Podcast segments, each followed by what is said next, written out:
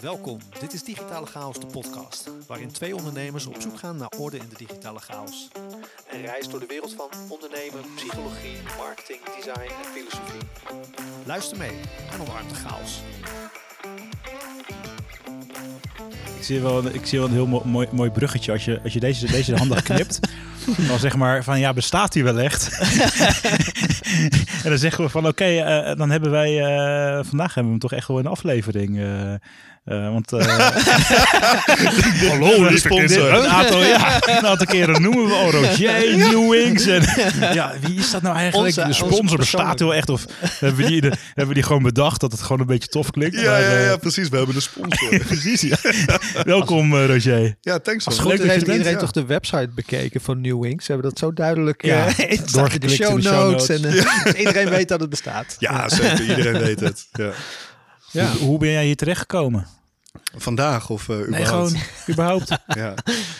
Hoe ben ik hier terechtgekomen? Ja, Chris, ik denk dat dat eh, tussen jou en mij, eh, ik denk een jaar of vijf geleden of zo, toen had ik een, eh, een, een, een onbedoeld salesbedrijf. En eh, Dat klinkt heel interessant. Ja, dat werd een salesbedrijf. Dat was niet de insteek. Maar ja, je, je kijkt naar de vraag in de markt. En een van die vragen die kwam eh, vanuit jij online. eh. en toen hebben wij eh, een samenwerking eh, opgericht. En eh, ja, de laatste tijd ben ik jullie gewoon heel erg aan het volgen. Wat jullie aan het doen. Ik denk dat we nu sinds een anderhalf jaar of zo weer wat intensieve contact hebben met Ja. elkaar. Ik denk een jaartje of zo wat minder. En eh, we hebben trouwens wel veel meer nog gedaan. Ook met, eh, met marketing en eh, teksten en weet ik veel wat allemaal. Het is wel grappig wat je zegt. Van, volgens mij zijn er twee partijen waar ik ooit mee iets mee heb gedaan die zeg maar ons koud hebben benaderd. Ja, En koude acquisitie doe ik normaal gesproken nooit wat mee, maar Ja. ja. jullie waren er volgens mij één van. ja, ik heb dat compliment vaker gehad. Ja, ja, ja, geweldig man. Hey, zou je ook voor de luisteraar even kort kunnen uitleggen wie je bent en Ja. wat je doet? Ja. Ehm, nou ja, ik ben dus ehm, Roger Giegengak met heel veel G's. Ze, eh, de stotteraars onder ons, die hebben er heel veel mo- eh, moeite mee. Dan krijg je, dat is een storing, eh, heel veel G's. Ehm, ik heb sinds drie jaar geleden een nieuw bedrijf opgestart. En dat is Newwings. En wij zijn de community voor ondernemers waar we je helpen dus eh, vanaf de start tot en met de verkoop van je bedrijf. Of je niet te En monteren, hoe Jasper? die de, dit, wordt, dit wordt ons eh, standaard in. eh, hoe heet het? Ja, deze kun je knippen Deze en voor de plakken, volgende keer. Ehm, eh, maar ik ben al eh 15 jaar ondernemer. Ik, ben ook nog een, eh, ik heb ook nog een uitstapje gehad als intrapreneur. Maar ik ben wel altijd eh, heel erg ondernemend geweest. Dat begon op de middelbare school met de Bjorn Borg onderbroeken. Nou, dat werden eerst een Oh, paar vertel. pakketjes. en dat werd op een gegeven moment een hele kledingzaak. Hoe is dat begonnen? Ook onbedoeld. Dus heel veel onbedoelde dingen. Ja, hoe is dat eh, begonnen? Eh, ik, ik, ik kreeg van mijn vader toen een, een paar van die Bjorn Borgs. Die had hij. En toen droeg je die nog net iets boven je broek. Zeg maar. Dat iedereen kon zien dat het een Bjorn Borg Ja. was. Ja. En die... eh, ja, op een gegeven moment eh, begon dat zo een beetje zo, eh, ja, voor een beetje erover begonnen ze te praten. En ik heb daar eh, wat eh, van die onderbroeken van mijn vader gekregen, die verkocht ik. En toen werd dat steeds meer en meer en waren, meer. waren die gebruikt of waren, dat, waren het nieuwe? We waren wel gelukkig nieuwe, ja. Hoe schat jij me in, Chris? Maar hoe kwam die daar aan dan? Gewoon, eh, die waren gewoon een nieuwe gekocht? Of was het wel nee, van uit- inkoop? uit- dat waren neppe onderbroeken, dus echt eh, Ah, uit China via de containers. Ja. Ja. En eh, ja. Die Allemaal had die namaak. had daar een ingang voor. Of, Ja, eh, ja, nou ja, eigenlijk ging dat gewoon eh, online. Ja, dat kon je allemaal online bestellen. ja. Dat is nog voor Ali. eh. Ja, dat was eh, eigenlijk de voorloper op Ja. eh, Ali. eh. Ja. ja. klopt. Ja. ja. Ja. wat gaaf. ja, en ook via, via eBay bijvoorbeeld, veilingen. Ja. Daar, eh, daar werd het ook vaak verkocht. Dus dat was een beetje het ondernemerszaadje wat werd geplant. Ja, ik denk dat het wel altijd dat, dat het daarvoor ook wel. Ik was wel bijvoorbeeld iemand die altijd problemen oploste in familie- en privé-sferen op school. En ja, als er problemen waren, dan, eh, dan loste ik ze wel op. Dus ik denk dat dat ook wel eh, een van de kernpunten van ondernemerschap is: problemen herkennen en ze kunnen oplossen. Ja. Ja. Ja. Gaaf. En toen? Ja, dus dat, we, dat waren eerst onderbroeken en eh, dat werden overhemden en eh, nog, nog veel meer. En daarna ben, toen heb ik zoiets gehad van ja, ga ik nou een kledingzaak beginnen? Dat is niet de bedoeling. En eh, toen vond mijn moeder dat ik, dat ik het leger in moest. Om wat meer Oké. discipline te krijgen. Want ik was 16 en dat ging eigenlijk wel leuk. En, maar zij wilde dat ik een opleiding zou volgen. Dus ik ging naar de multimedia vormgeving. Mhm. Eh, ik kom van het VWO af en ik ben naar de MAVO, omdat de middelbare school. Ja, ik heb nooit huiswerk gemaakt, nooit wat geleerd. Het, het trok mij gewoon niet. Ik kon niet goed leren. In ieder geval niet op school. Ja. En ehm, ja, ik ehm, eh, heb toen eh, op aanbevelen van mijn moeder ben ik op mijn 17 het leger ingegaan. Dus ik werd daar War Child genoemd, uiteraard. En ehm, daar heb ik twee jaar gezeten. En ja, dat was een hele mooie tijd. Heel veel discipline. Ook gewoon het stukje doorzettingsvermogen. Door, ja, als jij een slotenmars loopt en je loopt op een gegeven moment langs een camping. Ja, bij een camping wordt natuurlijk alle, letterlijk de shit in die sloten eh, afgevoerd. Mhm. Ja, als je daar doorheen marst met een heel peloton van eh, tientallen jonge gasten en dames. Ja, dan op een gegeven moment eh, dan, dan denk je, wat ben ik hier eigenlijk aan het doen?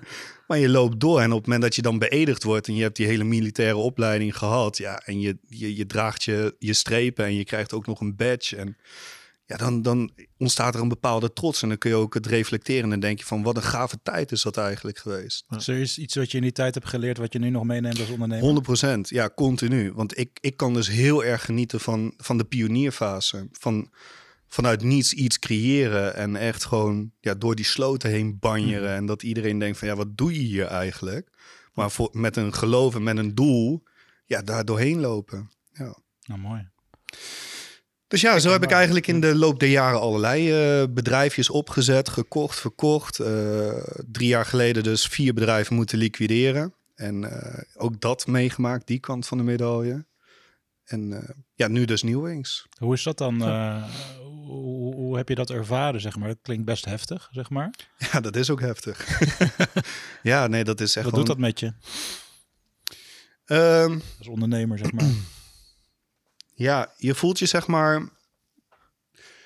eh, ik, ik heb jarenlang iets met passie opgezet. En ehm, als je dan in anderhalf jaar tijd, het is in de tijd van corona onder andere geweest.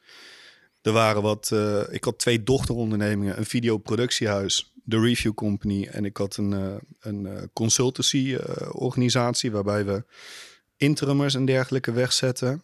Ehm, ja, dat waren twee krimpmarkten. Dus de, de interimers, ja, die kwamen, hè, de freelancers, dat was eigenlijk waar het eerst in gesneden werd bij organisaties. Dus die kwamen allemaal op straat staan. Dus er was veel meer aanbod dan vraag op dat moment. En ons verdienmodel zat gewoon in de afdracht op het aantal hè, uren wat je maakte bij, eh, bij klanten. Ja, dat, eh, dus dat, daar, dat was een krimpmarkt, terwijl dat in een jaar tijd echt was geëxplodeerd. Daar heb ik wel vaker last van, dat het heel snel dan op een gegeven moment tractie krijgt. Ja, en het videoproductiehuis, hij maakte review-video's. En ik had dat bedrijfje dus gekocht of overgenomen. En ehm, toen... ehm, eh, dat bedrijf is dus ingeschreven bij de KVK als eh, mediabedrijf. En mediabedrijven, die kregen geen steun vanuit de overheid. Ah. Videoproductiehuizen wel. En dan kun je eh, hoog of laag springen bij, eh, bij de overheid en aangeven, joh, kijk het portefeuille, kijk onze offertes, kijk de factuur, kijk alles maar. Ze, ze hadden er geen boodschap aan, dus ik had 70% omzetderving, maar geen enkele steun daarin gekregen. Dus. Ja. En dat, dat tezamen eh, met nog wat, wat andere zaken, hè, uiteraard. Ik bedoel, je kunt niet alleen maar aan corona eh toe, eh, toebedelen. Ja, dat was toen wel de nekslag. Ja. Ja, toen heb ik Wauw. dus vijf jaar lang heel hard gewerkt en heel veel vermogen, mooie bedrijfjes opgebouwd. En in één keer zie je het allemaal ja. En toen weer vanaf nul in de sloot begonnen. in de sloot. ja. ja, en eigenlijk achteraf, hè, en dat is dus net zoals met die sloot, achteraf is dat een heel mooi moment geweest in mijn ondernemerschap. Want het heeft mij gewoon even de ruimte gegeven om te reflecteren. Ik werkte 100 uur per week. Mhm. Ik heb een jong gezin, vier kids. En eh jong Hoe deed, gezin. je, hoe deed je dat? Ja, gewoon doen. 100 uur in de week, vier ja, kids. Ja, ja, ja. En dat is ook niet overdreven. Het was echt twee uur s'nachts. En dan eh, sloot ik af. En dan s ochtends om zeven uur eh, de eerste e-mailtjes alweer beantwoorden. Hoe, hoe- want het is best wel een interessante, zeg maar, ook een beetje de, de, de hustling culture. Van, eh, er zijn Ja. mensen die dat best wel propageren. Juist. Ja. Is, er, is er dan een manier geweest waarop je daar eh, tot, tot, tot aangetrokken voelde? Of eh, Mhm. zeg maar, laat me laat ik me opknippen. Zeg maar, is er een punt geweest waardoor je dacht van dit is echt the way to go Ja. als ondernemer? Ja. En is er een punt geweest dat je dacht van dit is niet meer the way? Ja, misschien is dit wel een mooie titel meteen voor de podcast. maar Elon Musk, die zei... als je eh 100 uur per week werkt... dan ben je 2,5 keer zo snel als je concurrent. Ja. Ja, dat is 1 Wauw. plus 1 is 2, toch? Ja. Ja, niet. Nou ja, je levert altijd ergens op in natuurlijk. Dat zie je nu ook bij al die podcasts van Diary of a CEO. Die, eh, die heeft daar ook eh, al heel veel verhalen over. En die zegt ook van ja, ik ben wel gekomen waar ik nu ben gekomen. Door dat soort ehm, dagen, weken, maanden door te maken. Maar de- of je er echt gelukkig van wordt, nee. En of je dat lang kan volhouden, zeker niet. Want het gaat natuurlijk allemaal ten koste van alle, alle andere dingen. Ja. Ja. ja. en ik durf zelfs te beweren dat... Ik ben het eens hè, met het proces van die 100 uur per week werken. Dat heeft mij ook veel gebracht. Ja. Absoluut. Maar als je het hebt over 2,5 keer zo snel zijn als je concurrent... die theorie deel ik niet meer. Nee. En hoe komt dat? Als je die theorie niet, nu niet meer deelt? Nou, ik ben wel redelijk eh, radicaal in ding, dingen. Dus eh, ik doe het wel of ik doe het niet. En dat is niet altijd even goed, maar dat is wel wie, hoe ik nu in ieder geval ben. Ehm, ik werk nu zeg maar 20 uur per week, standaard. En dat betekent niet dat ik die andere 20 of 30 of hè, in mijn geval 80 uur niks meer doe. Ehm, maar effectief, zeg maar, output ben ik gewoon 20 uur per week bezig. En dit valt voor mij ook onder output. Ik wil me Ja. hier gewoon op voorbereiden. Ik heb vanochtend lekker een wandeling gemaakt. Ik heb gewoon even met mijn vrouw kunnen spreken, dingen, de kinderen naar school kunnen brengen. Mhm. Eh, vanochtend werd er natuurlijk gezongen, dus daar heb je dan ook tijd voor. En die tijd die neem je ook dus zonder input te krijgen van een, van een mailtje op je telefoon en dat soort zaken. Ehm, en ik merk in die 20 uur ben ik super effectief.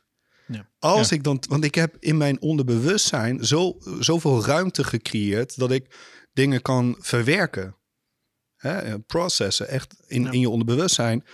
Door die tijd en die ruimte te nemen. ehm,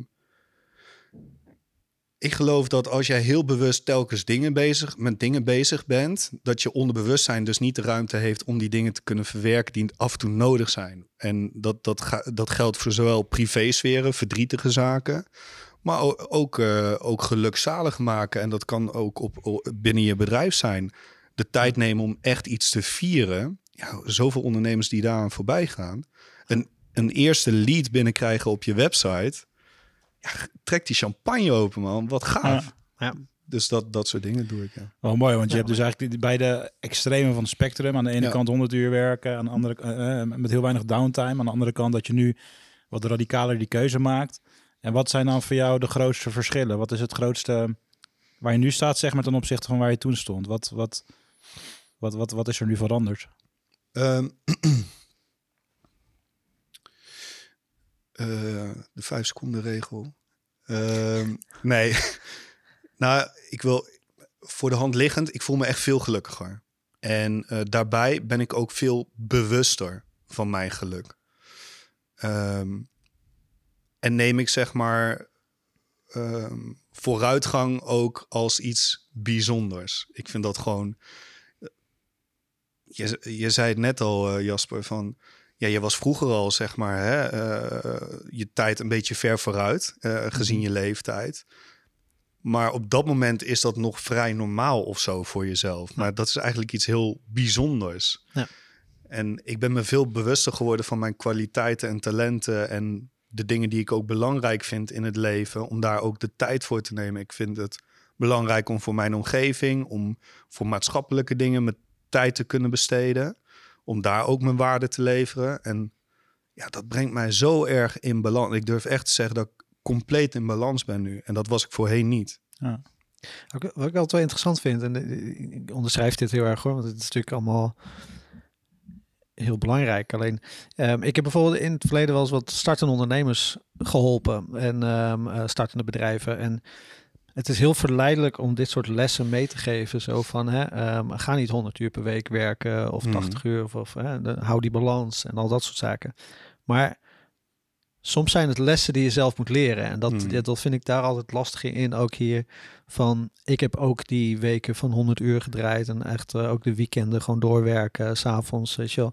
En dan ook er echt van kunnen genieten. hè. Als ik s'avonds alleen op kantoor was, deed ik mijn schoenen uit, weet je, mijn pantoffeltjes een beetje rondlopen, muziek lekker hard Hmm. aan. Ik was echt helemaal, eh, helemaal happy.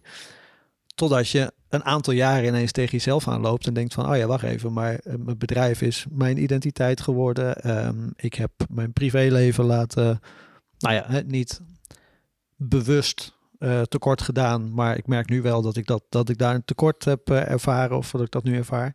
En, ehm, maar het zijn wel helemaal belangrijke lessen die ik nu meeneem in de toekomst. En Mhm. dat altijd lastig, ook als je bijvoorbeeld naar, die, naar de goeroes luistert of naar de, en naar de Amerikaanse eh, businessboeken. Zo van, kijk, dit heb ik allemaal meegemaakt en dit is hetgene wat je nu moet gaan doen, want Mhm. dat heeft mij ook geholpen.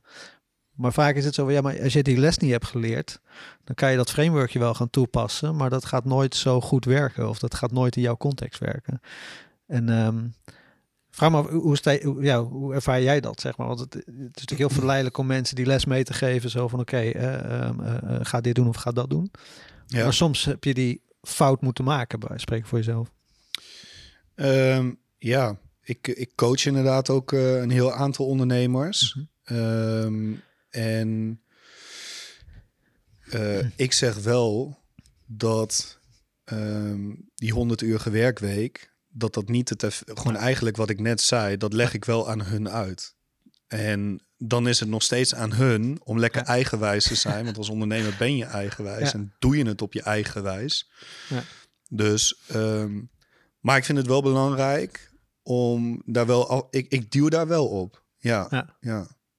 Dus ik, en dan niet, niet zozeer dat ze meteen na 20 uur, want dat is echt een mega stap. Ja. Want ze werken Ja. 60 uur en 70 uur. En wat je zegt, s'avonds met energie. En dan doen ze dit en dat. En eh, allemaal ideeën en zo. Daar heb ik ook nog wel een mening over. Maar ehm, ik zeg wel bijvoorbeeld, pak nou eens één dag in de week dat je gewoon even niet met je werk, eh, dat je niet hoeft te werken. Ja. En dat betekent niet dat, je, dat- ze dan niet gaan werken, maar pak eens die wandeling. Of ga eens met die hobby aan de slag. Of ga eens even lekker sportief iets doen. Of beloon jezelf ergens eens een keertje mee. Ja. Ja, zet die knop even om, of eh, zet het even uit. Ja, en als dat even- bevalt, ja. kun je dat misschien wat vaker doen. Want dan zie je ook het effect daarvan.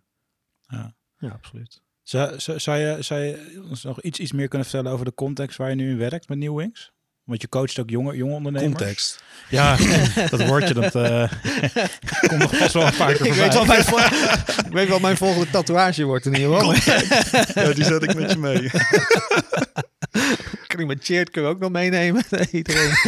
Nee, want, want kijk, als we even, even terugpakken, Ja. hè, ook naar de, Ja. naar de, eh, de, de, de introductieslogan van, van New Wings. Hè. Dus je helpt eh, eh, ondernemers eigenlijk vanaf de start van een bedrijf tot aan de verkoop. En daar, daar, daar zit waarschijnlijk een bepaald idee achter. Ja. En daarin begeleid je ze met een stuk coaching. Zou je ons dus mee kunnen nemen in ehm, eh, de gedachtegang daar, daarachter en welke type ondernemers je dan allemaal tegenkomt? Ja, misschien om te beginnen van hè, drie jaar geleden heb ik dus vier eh, BV's in een structuur, een BV-structuur geliquideerd. Mogen liquideren eigenlijk, want ik heb eigenlijk faillissement gewoon kunnen voorkomen. En dat is door mijn ehm, eh, eerlijke en transparante aanpak. Ik zie dat sommige ondernemers wel echt die grenzen overgaan. Eh belasting ontduiken en dat soort dingen. Ik ben altijd echt, ik, ik, ik zoek wel de grenzen op, maar ik blijf er altijd binnen. Ehm, eh, dus ik heb het geluk gehad door die, door die zuivere houding dat ik het niet hoef, dat ik geen faillissement of dat er geen bestuurlijke aansprakelijkheid in zat, maar dat ik het dus mocht, moest en mocht liquideren. En dat is voor mij een moment geweest dat ik ben gaan soul searchen. Gewoon van wie, maar wie ben ik nou eigenlijk als Roger? Ehm, en wat wil ik, wat, wat, wat wil ik eigenlijk nou ja, gaan doen? Wat, wat zijn mijn passies? Ik hou ontzettend veel van voetbal bijvoorbeeld.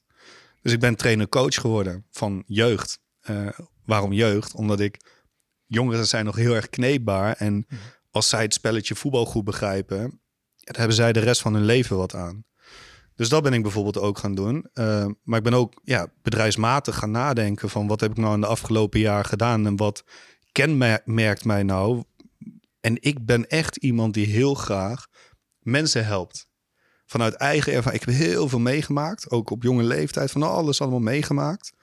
En ik vind het gewoon altijd heel erg mooi om anderen eh, te inspireren en te helpen. En eh, Ik ben 15 jaar ondernemer, dus eh, ook op dat gebied. Ja, ik ben wel echt een ondernemer. Ik zie altijd kansen, uitdagingen en ik los alles op. En ik weet het ook gewoon vanuit niets iets te creëren en dat tot lopende bedrijfjes te maken. Ja. Ehm, maar ik zag ook wel om me heen en ook vanuit mijn eigen ondernemersreis dat ik gewoon ehm, bijvoorbeeld nooit, eh, en dit, ik, ik hou er niet van om te promoten, maar ik wil gewoon eigenlijk een stukje bewustwording meegeven, is van, maar wat is jouw bedrijf nou eigenlijk waard? Mhm. Ondernemers staan er helemaal niet bij stil. En wat zijn nou die, eh, die drijfveren 9 van de 10 keer in het kaders van doelen stellen? Is meer omzet, meer, leukere business, hoger segment, eh, leukere klanten, eh, leuke, mooie bedrijfscultuur.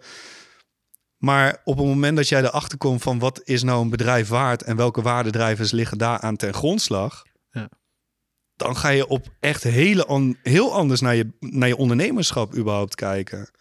Want ondernemers die gewoon een bedrijf starten in drie jaar en die van nul tot een mannetje of tien of zo een bedrijf weten op te bouwen, die kunnen iedere drie jaar gewoon soms wel een miljoen, twee miljoen euro verdienen door hun bedrijf te verkopen. En als jij je bedrijf een keertje weet te verkopen, dan haal je eigenlijk vijf jaar eh, eh, potentiële winst in één keer naar voren. En je hebt wel die vijf jaar om weer andere dingen ook te doen. Dus het is, Ja. Heel andere mindframe. is heel Ja. anders. Ja, dus dat inzicht bij mij, zeg maar, toen ik besefte wat zijn bedrijven waard, hoe komt dat, ben ik me daarin gaan verdiepen. Heb ik me de afgelopen jaar in vastgebeten. Ehm, dus ik doe zelf nu ook bedrijfswaarderingen. Ik ben niet eh, iemand van de studies, maar eh, ja, ik lever gewoon precies dezelfde dienst als een registervaluator.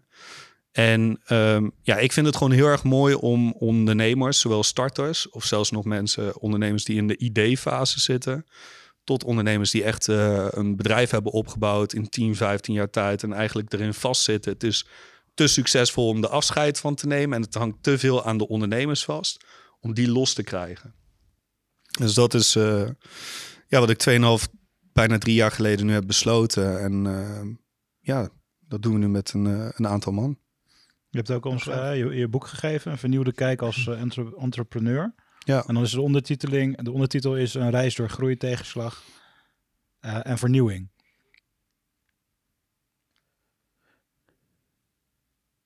Waarom die drie? Je zou het, je zou het noemen een- factoren, maar het zijn eigenlijk Ja. fases, zeg maar. Ja. Groei, tegenslag en vernieuwing. Nou, ik denk, ja, fases. Waarom zeg je fases en niet factoren? Ja, factoren zijn dingen die ergens invloed op hebben. Eh, Heb ik ooit eh, al geleerd van mijn Oké. leraar, wat was het, wiskunde of aardrijkskunde. Ehm, eh, dus je zou ze ook als factoren kunnen zien. Dus dat is wel een goede vraag. Ja, Ehm, dus waar, waar heeft groei invloed op? Waar heeft tegenslag invloed op? Waar heeft vernieuwing inslag op? Ja. Ehm, ehm, eh, maar ik denk wel dat het fases zijn die iedere ondernemer doorgaat. Hoe dan ook. ja, ik denk dat die drie dingen namelijk continu aan de orde zijn. Je groeit, er is vernieuwing. ehm, Dat is altijd tegenslag. en er is altijd tegenslag. Het is mooi, want ik, kwam op een gegeven moment ook, ik heb er ook over die thema's veel zitten denken en zo. Van op een gegeven moment kwam ik in mijn eigen boek kwam ik tot de conclusie, soort van eh, dat, dat groei eigenlijk transformatie of verandering of vernieuwing betekent. Eh, bij marketing heb ik een beetje hetzelfde. ja. Eh, dus, het- dus het zijn echt wel, het zijn termen die me, eh, die me triggeren. Mhm. Ehm, dus vandaar, dus vandaar de vraag. Van, wat- ja. Ja, ik denk zeg maar gewoon nog als, als ondernemer is dat gewoon iets wat continu aan de orde is. En eh, ik weet ook dat niet-ondernemers eh, geen ondernemer kunnen worden, omdat zij met die drie factoren niet kunnen omgaan. Niet goed genoeg.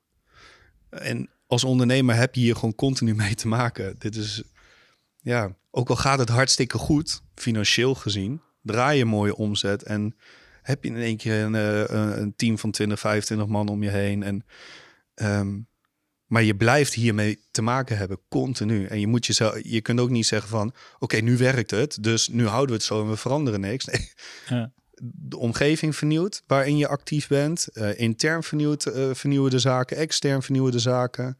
Er is altijd een tegenslag. er is altijd een, een maat van groei, persoonlijk, zakelijk. ja.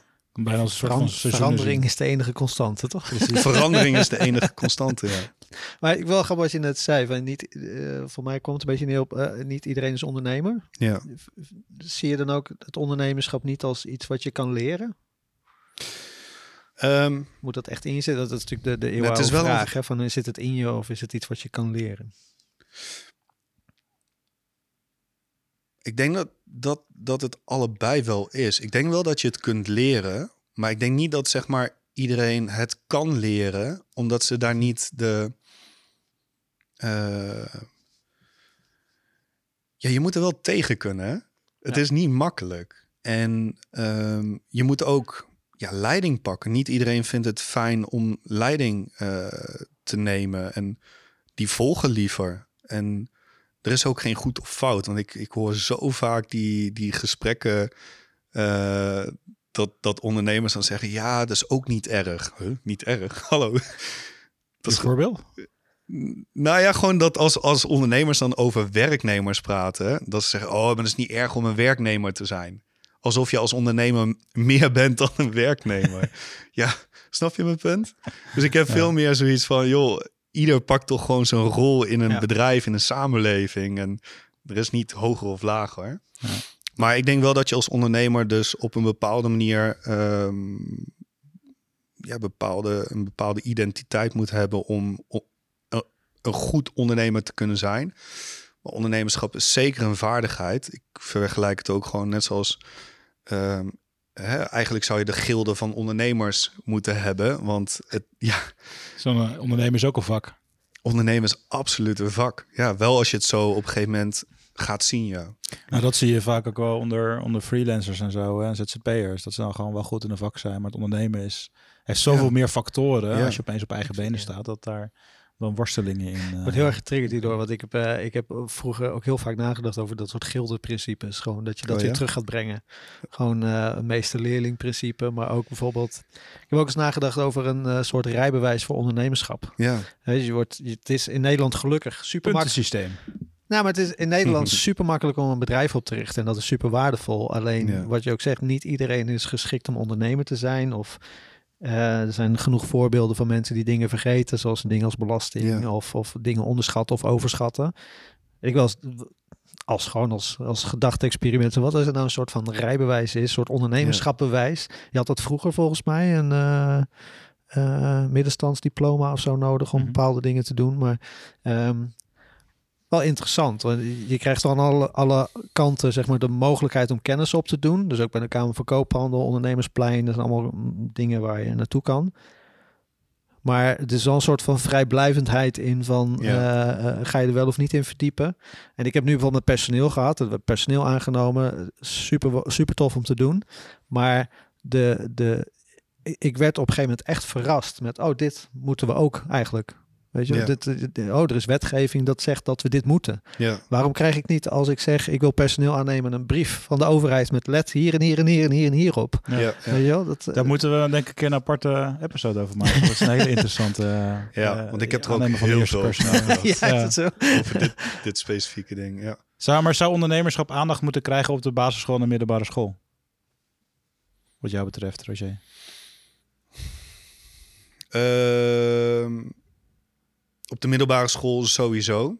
Ik denk dat het ook gewoon heel mooi zou zijn, is als eh, na de middelbare school, maakt niet uit welk niveau je hebt gedaan, maar dat je ehm, misschien stage kunt lopen of zo, of een jaar, een tussenjaar kunt pakken en met ondernemers kunt meelopen. Eh, ik denk dat het sowieso goed is om überhaupt mee te lopen met eh, bepaalde specialisten. hè, dat je ook leert van, oké, ik ga zo meteen een studie doen van vier tot zes jaar.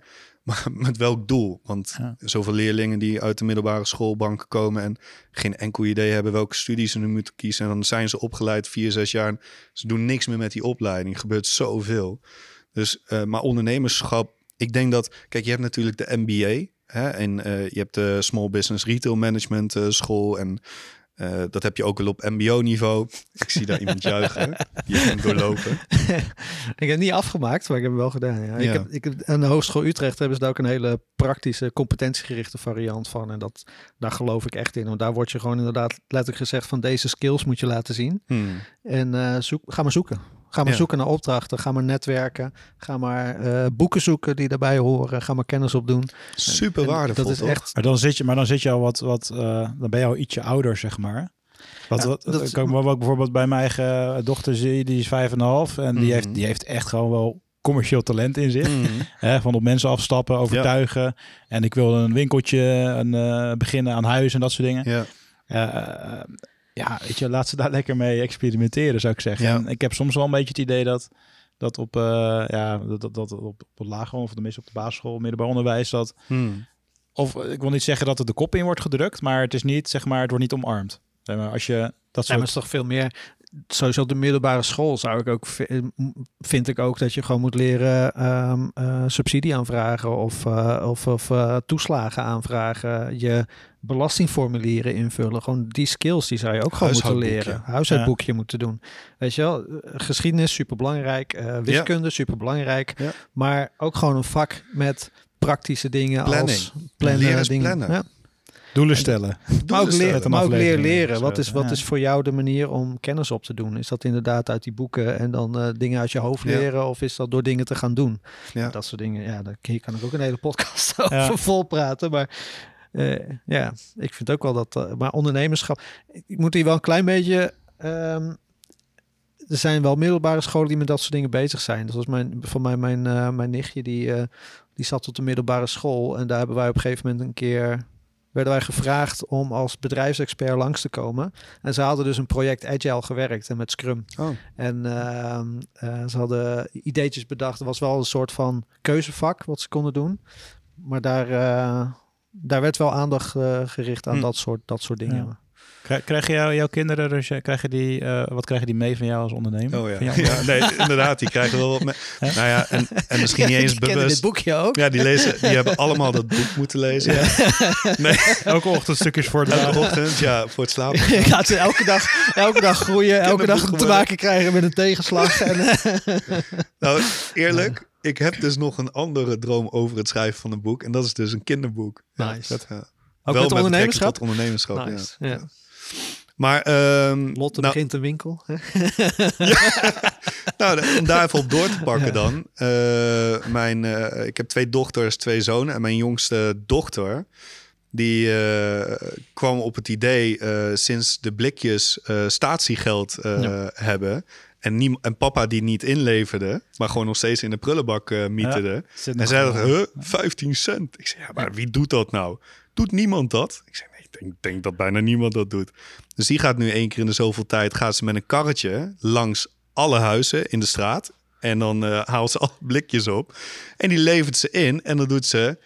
Eerst eh wil ze dus alles aan een goede doel schenken. Toen heb ik gezegd, ho ho, laten we even bij elkaar gaan zitten.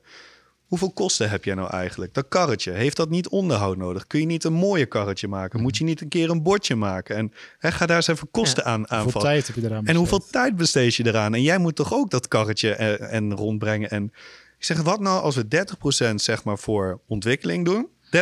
30% voor jouw eigen, dat je dat gewoon in je spaarpot kunt doen. En 30% kun je dan eh, geven aan goede doelen. Ja. Ja. dat soort dingetjes. Super mooi Oh, voorbeeld. Ja. Ja. Dus, eh, maar het is niet dat ik ehm, daar bewust mee bezig ben. Wat ik wel, waar ik wel heel erg bewust met mijn kinderen mee bezig ben, is dat ik eh, hun alle ruimte eh, en mogelijkheden wil bieden om hun talenten en kwaliteiten te ontplooien. En nogmaals, wat ik net al zei, ondernemerschap of werknemer of artiest of wat dan ook, hè, zanger of iets.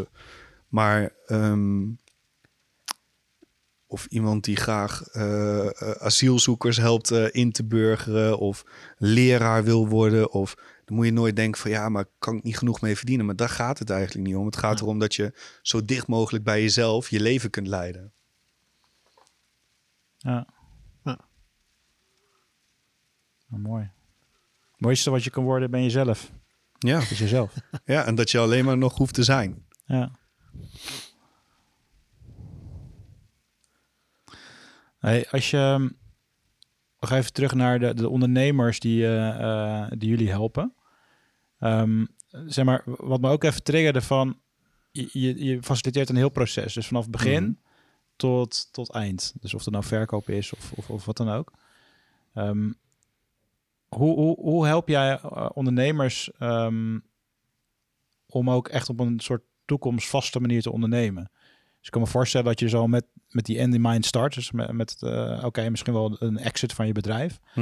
Ehm, maar hoe waak je er dan voor dat een bedrijf ook een soort van toekomstproef wordt gebouwd? Ja. Uh, vanuit die filosofie. Um, ik begin vaak met de vraag van ben jij onmisbaar in je bedrijf? En als het antwoord dan ja is, dan zeg ik dan is het niks waard. Um, dus het primaire doel, en dat kan al vanaf de start of zelfs voor de start van je bedrijf, is dat je wel met, een, met het doel voor ogen werkt dat je uiteindelijk een bedrijf wil hebben wat continueert en groeit van, los van jou. En dan pas is je bedrijf gezond. Um, ja, dus, dus, dus dat is eigenlijk de primaire vraag die, die ik aan, aan de klant stel of aan de, aan de ondernemer stel. En dan is het um, uh, met elkaar kijken van oké, als dat bedrijf nog te veel aan jou vasthangt, wat doe je dat dan allemaal? En kun je dat um, uh, vangen in taken en verantwoordelijkheden en het liefst nog in functies? Um, ik heb binnen mijn bedrijf ook een functie. Hè? Ik vervul een functie, maar ik ben eigenlijk vanaf 1 januari heb ik ook als doel gesteld 1 januari 2024 moet New Wings los van mij dus continueren en groeien. En door dat heel helder als doel voor ogen te hebben, heb ik begin dit jaar zo gesteld, ben ik er nu dus al. Betekent niet dat ik niks meer doe, maar ik ben nu de marketeer binnen mijn bedrijf. Ja, de volgende stap is dus dat de marketing en het stukje pre-sales, dus lead generatie, ook los van mij functioneert. Nou, daar heb ik vanochtend dus een akkoord op gegeven om die laatste stap te zetten. Dus vanaf volgend jaar kan ik me echt bezighouden met strategie en visie. En dat zijn mijn kwaliteiten. Daar ben ik het liefst mee bezig. Ja. ja. ja. Hoe, hoe, vind jij de mensen die, daar, die dan de gaten opvullen, die uh, in eerste instantie misschien zelf met alle petten. Nou, dat is dus een heel, heel, hele belangrijke factor. Hè? Dat je op een gegeven moment dus weet van wat kun je niet, of waar ben je minder goed in. En dan stapsgewijs daar de juiste poppetjes of diensten, producten uh, bij tools hè? Uh, verzamelen. Die al die dingetjes kunnen gaan opvullen of overnemen. Um, als je het hebt over het, het aannemen van, van de juiste mensen. Hè? Dan, um, dan is dat tweeledig. Uiteraard de kwaliteit van het stukje dienst uh, wat geleverd moet worden. Dus een marketeer, daar wil je gewoon kijken van, of een, een HR-specialist, je wil gewoon kijken wat is de output. Maar wat voor mij echt essentieel is, uh, zijn normen en waarden. Uh, en daar druk ik op, onbewust. In uh, uh, werving- en selectieprocessen, de sollicitatiegesprekken, zijn dat de punten waar ik heel hard op druk. Om gewoon te ik zeg wel eens, je hebt heel veel mensen die uh, solliciteren voor de functie van sinaasappel. En dan uh, presenteren ze zich als een sinaasappel. Maar ik pers ze net zo lang uit tot ik echt weet... komt er nou sinaasappelsap uit of citroensap? Nee, ja, het zure, hè? Het zure. ah, je wil nu weten, mijn dochters hebben me eergisteren een mengsel laten drinken van limonade... Uh, melk en, uh, oh, lekker, man. en appelsap. Dat was vandaar dat je er zo'n beetje uitziet. Ja. Uh, of komt het door het taartje? grapje hoor, grapje Niet aan te raden. Het ziet er heel goed uit. Niet aan te raden. ja. ja. En dus, dat, dus na een stukje uh, kwaliteit in, in output uh, gaat het voor mij echt, past iemand in het team. En wat zijn die waarden dan waar je op toetst? Ja, dat is, dat is wel voor iedereen uh, verschillend. Hè? Dus voor mij is dat, ik, ik ben heel erg transparant. Ik ben echt een open boek. Ik, ik wil gewoon werken op basis van vertrouwen. Um, ik hou van sportiviteit in de zin van uh, natuurlijk ook mentaal en fysiek dat je wat sportiever bent, dus dat je lekker actief bent. Ja. Maar ook sportief betekent ook dat als het een keertje tegen zit, dat je ook een beetje kunt zeggen, ah, kom wel goed. Hè? Dat je sportief bent. Ja. Um, uh, nou, zo hebben wij gewoon een aantal van dat soort waarden uh, die voor ons belangrijk zijn, waar je dus dan op kunt gaan drukken. Ja, en die verschillen dan weer per per bedrijf een Ja, ondernemer. en voor, jullie, voor jou zijn die denk ik ook weer anders. Kan ja, wel er zit deel, deels overlap ook in, Overlap eh, in, als, als ja. ik het zo hoor. Maar ehm, ja, ik denk wel ieder bedrijf en ieder ondernemer, het begint bij de ondernemer, zeg maar. Dus zeg maar, als, als de waarden van jou als ondernemer niet stroken met die van de mensen die je aantrekt, Ja. dan gaat het fout. Mhm. Dus het begint wel echt bij, eh, bij de ondernemer. Ja. ehm, eh, om daar Ja, de wat, ik, waarde wat, uit te wat ik daar wel lastig in vond, is, is de. Als je het hebt over personeel, is, is toch het verschil tussen een. Dat, daar zit wel een verschil tussen een werknemer en een eigenaar van een bedrijf. Mhm. Waarin zeg maar je belangen en je dedication, zeg maar, die zijn heel anders. Ja. En ik merkte dat, dat als je aan het begin begint met personeel, dat je in de valkuil kan stappen dat je op zoek bent naar iemand die net zoveel dedication en ja. net zoveel belang heeft bij het bedrijf. Wat Dat is heel kan. oneerlijk. Het is heel oneerlijk, ja. En dat, maar het is. Ehm, en je zoekt misschien bijna zelfs een kloon van jezelf. Dat is ook zo'n bekend voorbeeld. Maar ehm, daar hebben wij ook echt wel eh, van moeten leren. En dat hebben wij bijvoorbeeld door de, een lange tijd te werken met stagiairs. Om daarmee te beginnen eigenlijk. Ja. Hebben, we dat, hebben dat echt bij onszelf ontdekt. Van, oh ja, wacht even. Maar bij een stagiair is de dedication misschien nog heel anders. Maar Ja, ehm, een goed punt hoor. Ik herken hem helemaal. dit was echt voor ons echt een heel belangrijk leerpunt. Ja. Maar vind jij dat dan ook oneerlijk? Want je hebt zeg maar een verwachtingspatroon van hoe jij bent. Dan moet een ander ook zo zijn. Maar die ander is dus niet zo. Ja. Want als hij ook zo zou zijn, dan was hij zelf waarschijnlijk een bedrijf begonnen. En dat is hij niet. Hij komt bij jou stage lopen of werken. Ja. Met een hele bewuste reden vaak. ja, die les heb ik moeten leren. Ja. Want dat is natuurlijk is, is super oneerlijk. En ik ehm, wil niet zeggen dat we per se mensen slecht behandeld hebben of, of dat daar problemen door zijn ontstaan. Maar Mhm. de, ik had mezelf een hoop frustratie kunnen besparen door dat eerder te snappen. Denk Ja, ik ja, echt ja. wel. Want het Hij- is Maar je- hij is heel herkenbaar, maar ook in de agencywereld zie je dat ook. Sommige agencies die, die selecteren bewust juist wel op de waarde ondernemerschap. Eh, maar dan, wel, dan, dan moet je daar wel zo transparant in gaan van beide kanten. Dat je gewoon zegt van ja, ik weet, je, je bent ondernemend. Eh, eh, dus ik weet dat jij misschien over, waarschijnlijk over twee jaar weg bent. Ja, Dus eh, dat je alle kennis hier mee kan nemen. Maar Ja. dat je dat bewust voor kiest, dat kan. ja, ja. En, en dan kan het ook goed werken. Weet je, dan heb je iemand die twee, drie jaar. En dat bedoel, ligt een beetje aan de branche waar je zit. Maar in de agencywereld is het toch niet twee, drie jaar. Is een gemiddelde werknemer vaak weer verder, zeg maar. Ja. Eh, als je het hebt over nieuwe instroom. Dus het kan, het kan wel een modus zijn, denk ik. Maar ik herken hem ook heel erg in die zin van ja, dat je het liefst iemand zoekt die alle ja, die, die dezelfde dingen beheerst als jij. Eh, Ja. Maar als, je, als het gaat om het aannemen van zeker je eerste medewerkers, dat, ja, dat gaat nooit zo'n senior rol zijn. Ik bedoel, Ja. eh, dan ben je eigenlijk op zoek naar, naar een eh, operationeel directeur of zo. Ja, dan, ja, dan, dan, ben je, dan is je team al wat groter, zeg maar. Dus eh, Ja, het is een, het is een gedachtepatroon ja. wat, ja, wat, wat denk ik heel erg herkenbaar is voor veel ondernemers. ja. Maar waar En ook de beloftes dan doen. Doe je Ja. dan de belofte? Ik, tenminste, ik, ik heb de beloftes gedaan bij, het, bij mijn eerste pers, eh, de eerste keren dat ik personeel aannam. En die functioneerde dan ook wel aardig. En dan begon ik beloftes te doen van weet je, zo meteen Ja. over een jaar. Ja. En dan kun je doorgroeien. En dit. Je, maar het is eigenlijk helemaal niet verstandig om dat soort dingen nu al te bespreken. Laat dat zich gewoon vanzelf ontwikkelen. En vaak zie je ook dat dat klinkt voor zo'n eh, werknemer wel interessant. Zeker als wat jongere mensen zijn. In, in, in de praktijk is niet altijd een match dat zij daar ook feitelijk behoefte aan hebben. Ja, herkenbaar. Jij wou net ook nog eh, een andere afslag volgens mij nemen. Ja, ik, zit, ik ben hem even kwijt.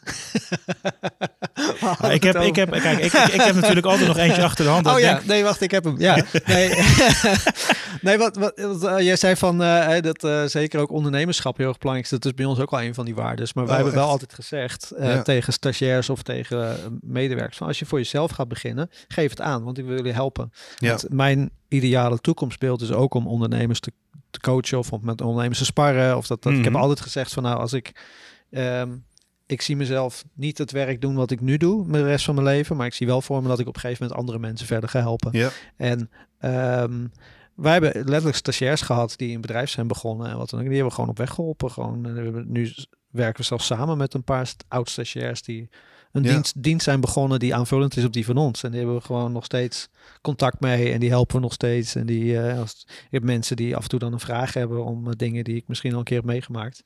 Die dan Dat- toch een contact opnemen. En ik Dat vind vind, dat ik juist van, ook heel dat, mooi. dat vind ik een van de mooiste dynamieken. Is voor jou misschien ook wel herkenbaar. Maar zeg maar dat je dus iemand dus de juiste zetjes in de, in de goede richting geeft. En dat ze dan zelf Ja. op eigen benen eh, naar een volgend niveau kunnen groeien. Ja. Die, ehm, dat is wel grappig. Ik, ik, had een vraag, oh, zeg maar, ik ging ook nog een vraag bedenken. Dat ik dacht van oké, maar wat zou dan een vraag zijn die Roger zou kunnen bedenken. Die erin zou kunnen gooien. Dit was wat er uit mijn eh, gedachten Roger eh, heeft een vraag, die gaat hij zo nog stellen. Ja, ja, dat zeker. Maar dit is dus nog los daarvan. En dat was de volgende, die ik even bij jullie eh, wil toetsen.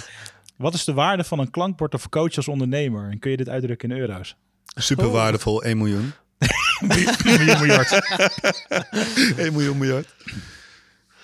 Oeh, die, vind- ik vind die zo lastig. Want ik heb, eh, ik heb er vaak over nagedacht om, om een coach of mentor of, of iets in die richting eh, te, te doen. Maar ik, ik wil er geen geld aan uitgeven. En dat merk ik bij mij nog heel erg.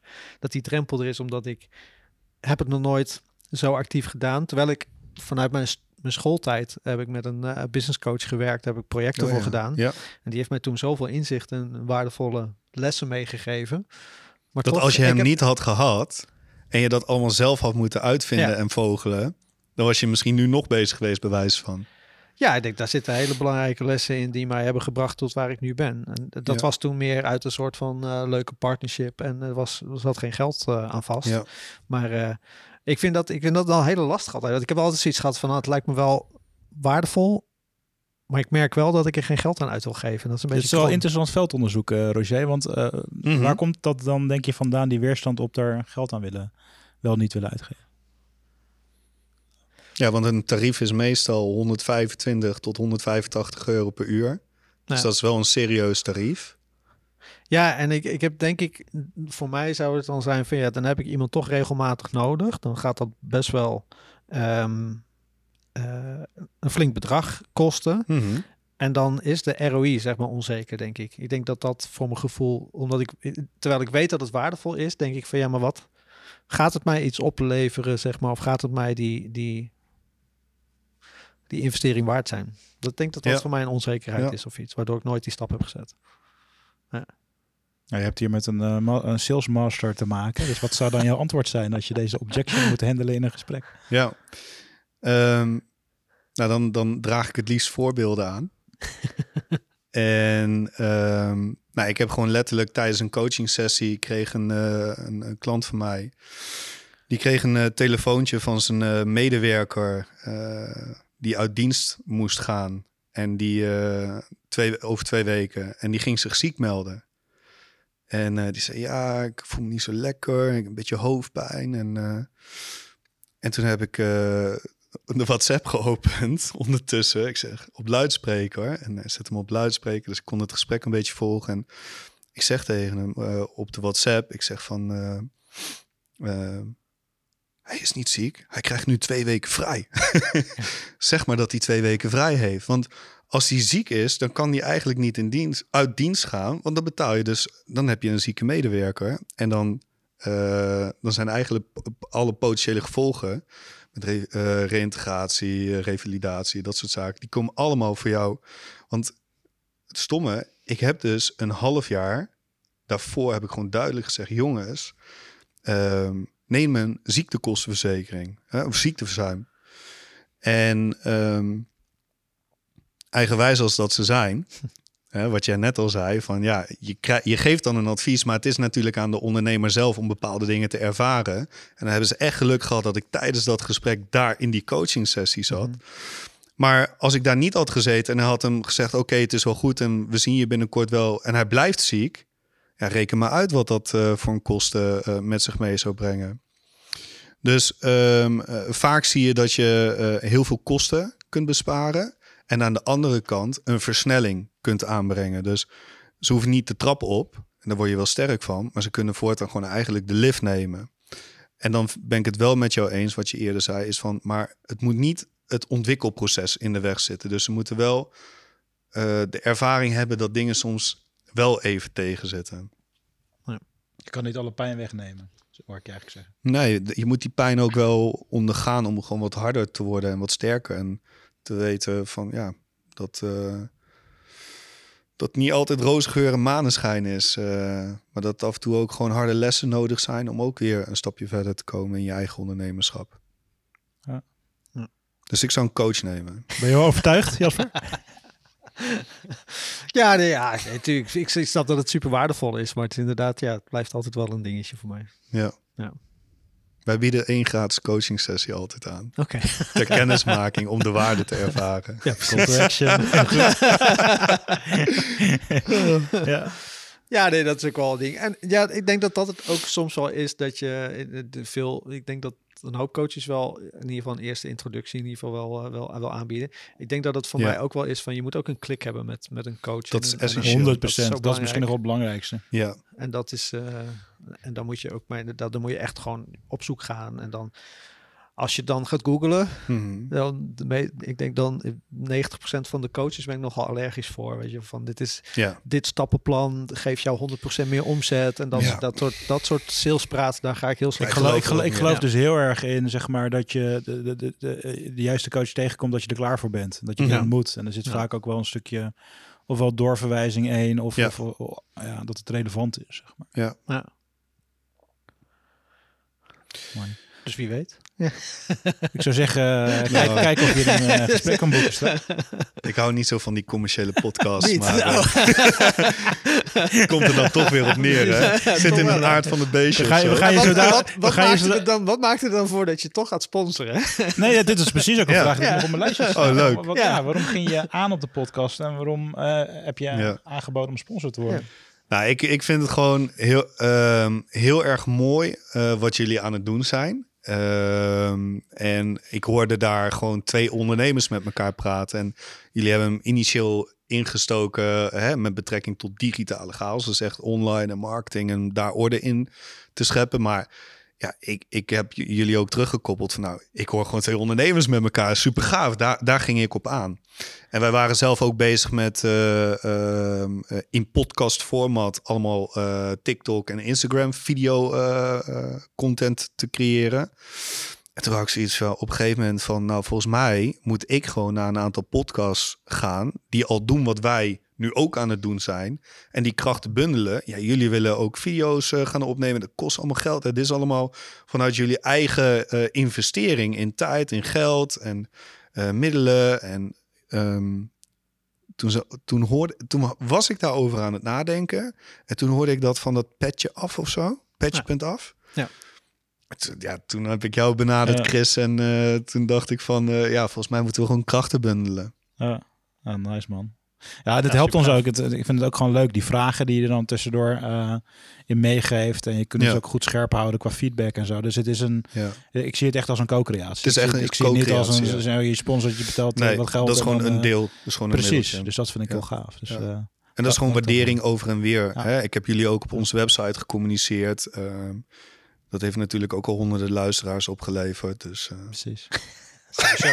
We zien een duidelijke groei. Ja. ja, duidelijk groei hè, sinds die sponsor. Ja, ja, aangezien, aangezien je nu toch zelf bent, eh, ja, mag je je eigen vraag er nog in gooien. ja, ja. De vraag van Newings. Ehm, nou, dat is wel leuk, eh, Chris. Ehm, ik, ik, ik mis eigenlijk een vraag de laatste tijd. En eh, ik ben er vanaf aflevering 1 bij betrokken als luisteraar. En ik vond het altijd wel leuk om eh, de antwoorden te horen op eh, hoe digitaal volwassen ben jij? En ik heb daar dus zelf nog niet over nagedacht, heel bewust. Ik heb echt het antwoord uit mijn hoofd gelaten voor dit moment. Mooi. Dus dat zou de, de vraag zijn. eh. dus, eh, Ik vind het ook wel grappig, want nu je het zegt. Wij stellen die vraag wel. En voor mij hebben wij hem zelf in een van de eerste afleveringen, eh, de, Ja. bij de introductieafleveringen zelf al beantwoord. Mhm. Maar ik denk er niet regelmatig bij na van, oh ja, heeft, is die betekenis misschien voor mij ook veranderd? Maar dat, moest ik nu ineens aan denken. Van, Oh. is- heb, ik daar eigenlijk een ander inzicht op gekregen? hoe digitaal volwassen ben, ben jij, Ja. Jasper? Precies. Ja.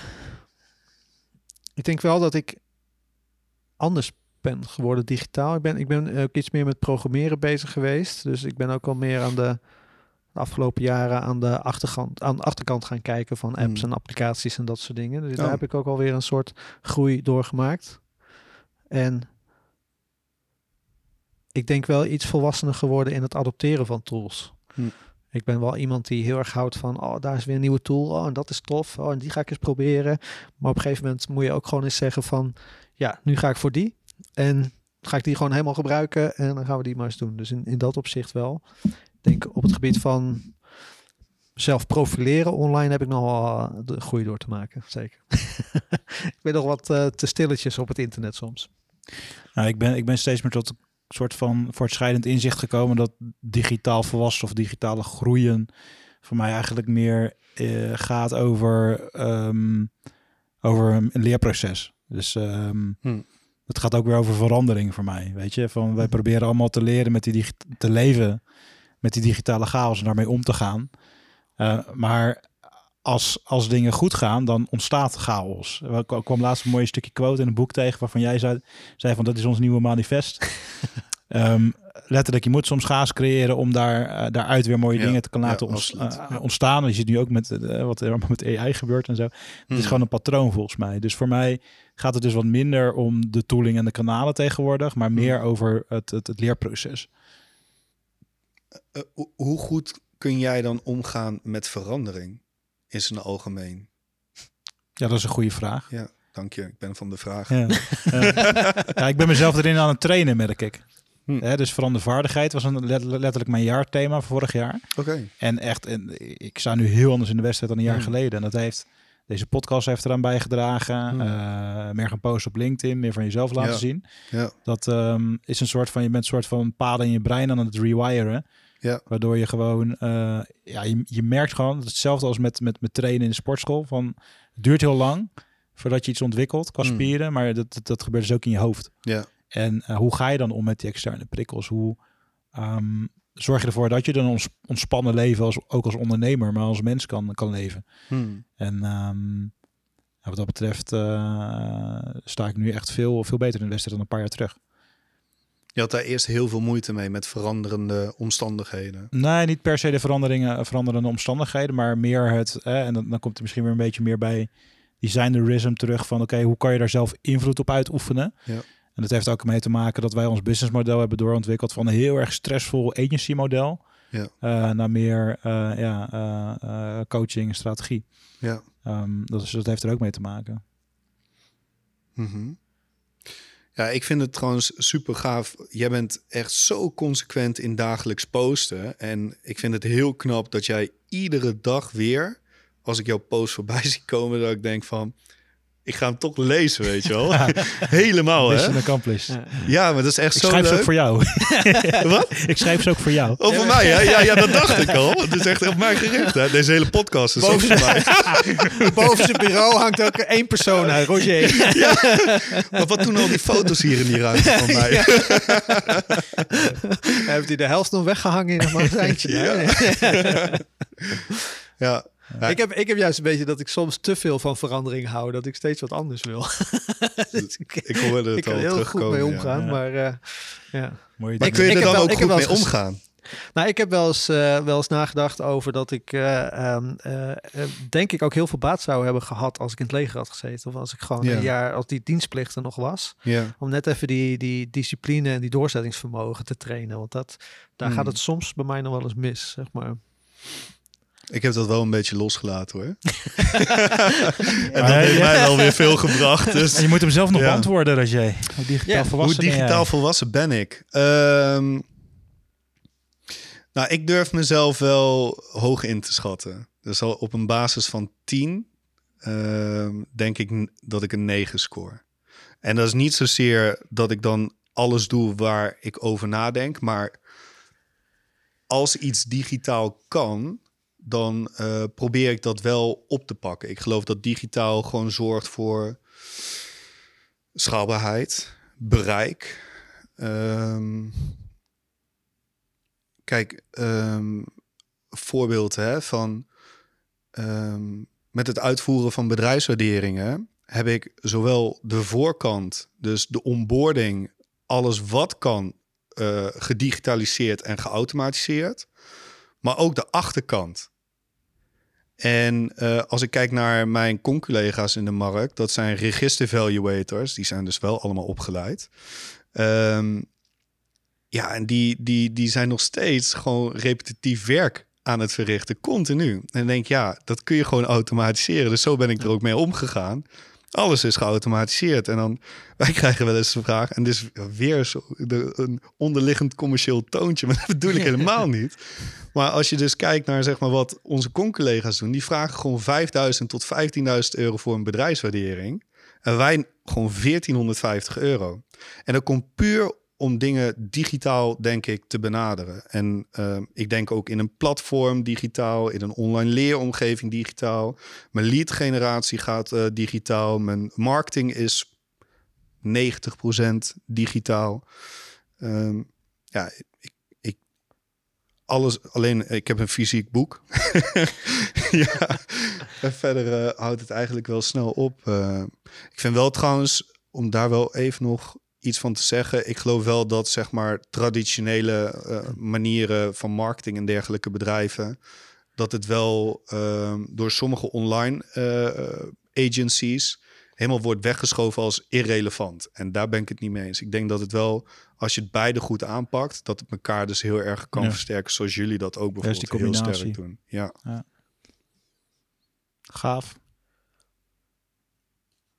Dankjewel voor deze. Ja, super bedankt. Volgens mij uh, zijn we er. We zijn, ja, we zijn waar wil je zijn?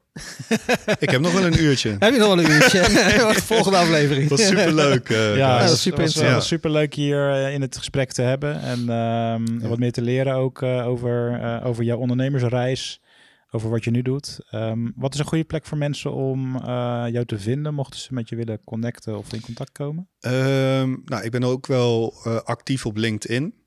Um, ja, Roger Giegengak met die heel veel G's. Dus als je een paar G's intikt uh, bij uh, Chris in zijn uh, connecties, dan kun je, je niet anders uitkomen dan bij mij.